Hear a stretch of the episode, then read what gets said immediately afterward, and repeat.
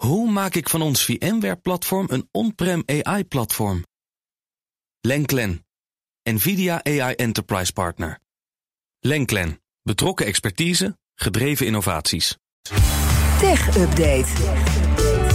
En Joe van Buurik is hier. Hey Joe. Hey Liesbeth en Kees. Ja, we beginnen met de Nederlandse overheid. Want de overheid wil niet dat techbedrijven moeten gaan meebetalen aan ons telecomnetwerk. Dat hebben we vaker gehoord. En nu wordt het nog eens wat luider gezegd. Want het is een vrij bekend dossier inmiddels. Omdat we met z'n allen steeds meer streamen en dingen in de cloud doen. Willen telecomproviders al een tijdje dat de Netflix en Googles van deze wereld gaan meebetalen aan dat Mhm. netwerk. Nou, Nederland ziet dat helemaal niet zitten. Blijkt ook nu weer uit een position paper dat in handen van Reuters is gekomen. Is eigenlijk een eh, voorbode voor wat er morgen besproken gaat worden tussen eh, ministers vanuit de EU met deze portefeuille.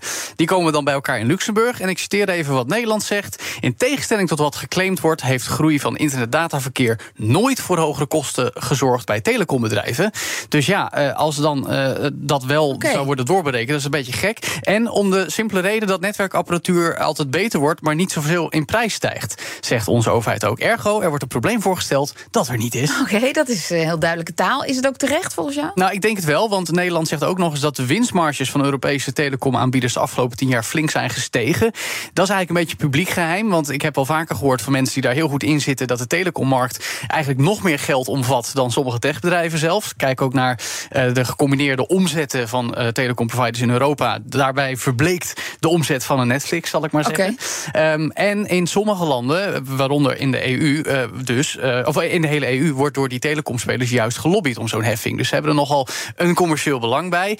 Ik denk dat het eh, uiteindelijk toch ook wel de angst is van de Nederlandse overheid, dat spreekt ze ook wel uit, dat zo'n heffing zou worden doorbelast door die techbedrijven aan de gebruikers. Ja. En dan moeten we dus dubbel gaan betalen, want ook telecomaanbieders verhogen liever hun prijzen dan dat ze ze verlagen. Nou ja. Case in point. Nou, dat- dat per 1 juli weer. Ik kreeg alweer een Bij melding. KPN. Ja hoor, het Ja, gaat er weer omhoog. precies. Ja, bij allemaal hoor. Ja. 6,4 per- Nou ja, in ieder geval KPN heeft het vandaag bekendgemaakt. Ziggo al een Oh, ik heb nog geen mail gehad. Per 1 juli inderdaad 6,4% prijsstijging voor eh, internet bij KPN. Onder mom van inflatiecorrectie trouwens. Daarbij zegt een woordvoerder ook... als we mee waren gaan in inflatie jaar op jaar... hadden we 10% moeten doen. Maar in de praktijk zul je toch 4 euro per maand meer gaan betalen. En over onze overheid gesproken, die heeft een akkoord bereikt met Amazon om gebruik te maken van de clouddiensten van Amazon. Juist, en dat is een overeenkomst tussen Rijksoverheid en Amazon Web Services.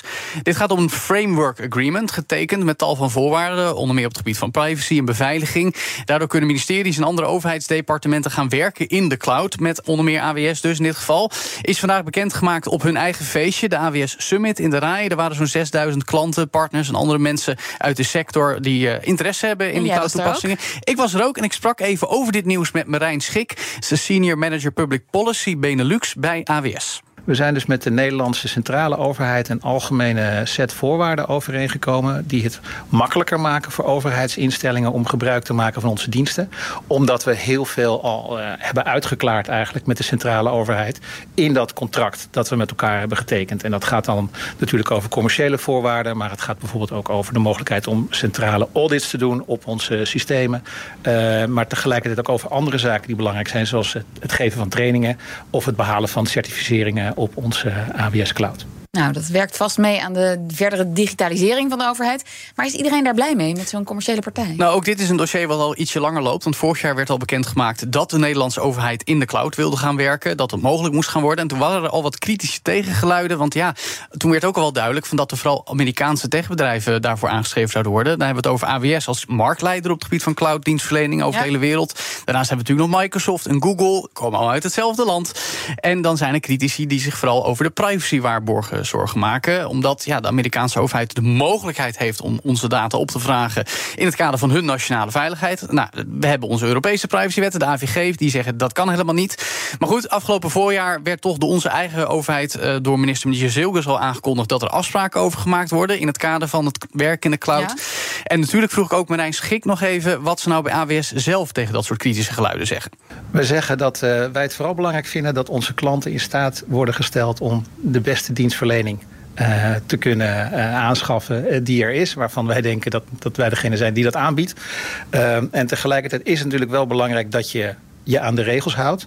En juist dit contract uh, onderstreept dat, omdat als onderdeel van dit contract we ook een Data Privacy Impact Assessment uh, hebben gevolgd uh, samen met de Nederlandse overheid met een positief resultaat. Ik moet er heel kort aan toevoegen, Liesbeth. Er zijn ook niet echt Europese alternatieven. Er zijn tal van kleine cloudbedrijven. Ja, we hebben geen Amazon, we hebben geen Microsoft, we hebben geen Google in Europa. En dat is net zoals heel veel andere techdomeinen wat de Amerikanen gebouwd hebben, is nou eenmaal jarenlang al beter. Dankjewel, Jo van Buurik. De BNR Tech Update wordt mede mogelijk gemaakt door Lenklen. Lenklen. Betrokken expertise, gedreven resultaat. 3,7. Wetenschap vandaag. En we gaan het vandaag met wetenschapsredacteur Carlijn Meinders hebben over tongen. En dan niet per se French kissing, maar over het lichaamsdeel zelf dat daarvoor wordt gebruikt, de tong. De tong krijgt namelijk te weinig credits voor zijn belangrijke rol in de evolutie. Nou, Carlijn, laat ons raden, daar ga jij vast nu iets aan doen. Zeker, uh, want ik las een prachtig uitgebreid artikel in Science, waarvan de hoofdboodschap eigenlijk was: zonder de tong en wat we daarmee kunnen, waren we er allemaal niet geweest. Nou, dat klinkt wel heel dramatisch. Ja, en uh, toch is het niet onwaar. Uh, het heeft niet direct iets te maken met trucjes als praten, waar we de tong ook ontzettend hard voor nodig hebben. Het heeft ook niets te maken met zoenen. Nou, toch niet? Het heeft alles, nee, het heeft alles te maken met hoe we eten. Of sterker nog, hoe de allereerste dieren die zo'n 400 miljoen jaar geleden aan land kwamen, dat deden. Uh, probeer ondertussen, als je iets van eten in de buurt hebt, voor de grap maar eens iets op te eten zonder je tong te bewegen. Dan ga ik ondertussen even naar onderzoeker Sam van Wassenberg van de Universiteit van Antwerpen. Hij keek namelijk in eerder werk, grappig genoeg, naar dieren die juist geen tong hebben. Vissen. Vissen hebben een andere tactiek om eten naar binnen te werken. Vissen die zorgen voor een waterstroming. En dat water trekt het voedsel naar achter. Maar dat kan je dus enkel als je mondholte volledig gevuld is met water. En dat is heel moeilijk als je een dier bent dat op land leeft. Ja, dus hoe hebben dan de eerste landdieren dat opgelost? Ja, dat is de grote vraag. Wat is er in hemelsnaam gebeurd tussen de structuur die de vis heeft en al die enorme diverse tongsoorten die daarna zijn ontwikkeld? Uh, denk aan een giraf, die kan zijn tong bijna een halve meter uitrekken om blaadjes te pakken. Uh, vleermuizen gebruiken hem voor echolocatie. Een slang gebruikt hem meer als neus. Uh, die kan een prooi ermee volgen zonder die ooit te zien. Een chameleon die kan zijn tong uit zijn mond laten schieten met vijf meter per per seconde. En de kolibrie die heeft ook een hele geavanceerde tong. Die kan een nectar ja, een beetje uit bloemen pompen bijna. Maar die vissen die je net noemde, die hebben dat dus allemaal niet? Nee, nee, die kunnen dit allemaal niet, maar ze kunnen wel iets. Die hebben in hun mondbodem altijd al een uh, skeletelement. Uh, maar ze gebruiken dat op een heel andere manier. Uh, die doen dat om zuigkracht op te wekken en die skeletelementen duwen eigenlijk de schedel in bepaalde richtingen om dat volume te creëren, om, om dat water binnen te zuigen. Dus uh, ze hebben zeker al een structuur die wij ook als tongbeen benoemen. Maar het, het echt de vlezige, gespierde tong, uh, die hebben ze uiteraard nog niet. Maar hoe kom je er dan achter wat er helemaal aan dat begin is gebeurd? Ja, dat is niet makkelijk natuurlijk, want we hebben ook niet echt het juiste materiaal. Probleem daarmee is dat we vooral fossiele elementen hebben van uh, skeletelementen, zoals beenderen, botten. Dus die vin naar poottransitie, die kennen we heel goed. Maar voor tongelementen, die zijn dikwijls kraakbenig, die fossiliseren niet goed. Of dingen die vlezig zijn, die gaan zeker niet bewaard blijven in oude fossielen. Dus dat is eigenlijk een stukje van onze vroege evolutie, die we heel slecht kennen eigenlijk. Ja, dat is jammer. Dus wat kun je dan wel doen om het antwoord te vinden op je vragen? Onder, ja, onder andere kijken naar dieren die er een beetje tussenin zitten. Bijvoorbeeld salamanders, die als jonge dieren voeden in het water, maar als volwassen dieren voeden op het land. Of bijvoorbeeld deze beestjes. Ik heb onder andere bekeken hoe slijkspringers voedsel eten. En dat zijn van die kleine visjes die in de mangrovenwouden uh, vrolijk rondhuppelen op het strand en daar naar uh, krabbetjes gaan zoeken. Uh, en die kunnen ook een krab, een stukje van een krab, volledig inslikken op het land. Maar die gebruiken daarvoor het water dat ze in hun mond houden en meebrengen op het land om die slikbeweging te maken. Maar zelfs daar zie je dat dat tongbeentje al een beweging maakt naar het voedsel toe. en het dan naar achter trekt. En we kunnen ons inbeelden dat dat een soort van voorloper is van de tong. Hmm, maar denkt Van Wassenberg dan dat hij ooit het volledige antwoord kan vinden?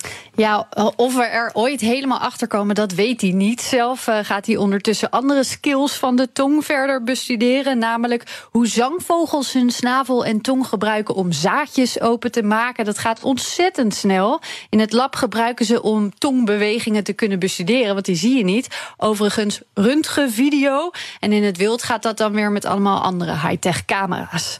Maar kortom, als die tong zich niet had ontwikkeld, dan waren wij er dus niet geweest. Dan waren wij er niet geweest. Dan had de planeet er heel anders uitgezien. Uh, dan hadden die pionierende eerste landdieren geen gebruik kunnen maken van al het voedsel dat ze daar vonden.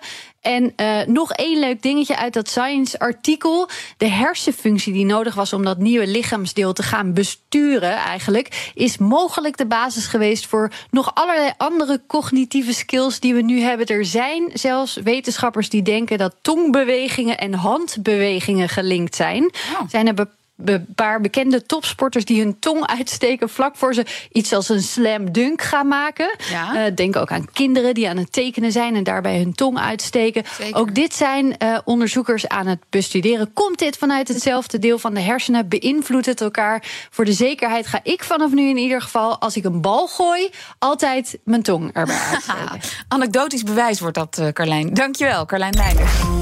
Hoe maak ik van ons VMware-platform een on-prem AI-platform? Lenklen, NVIDIA AI Enterprise Partner. Lenklen, betrokken expertise, gedreven innovaties.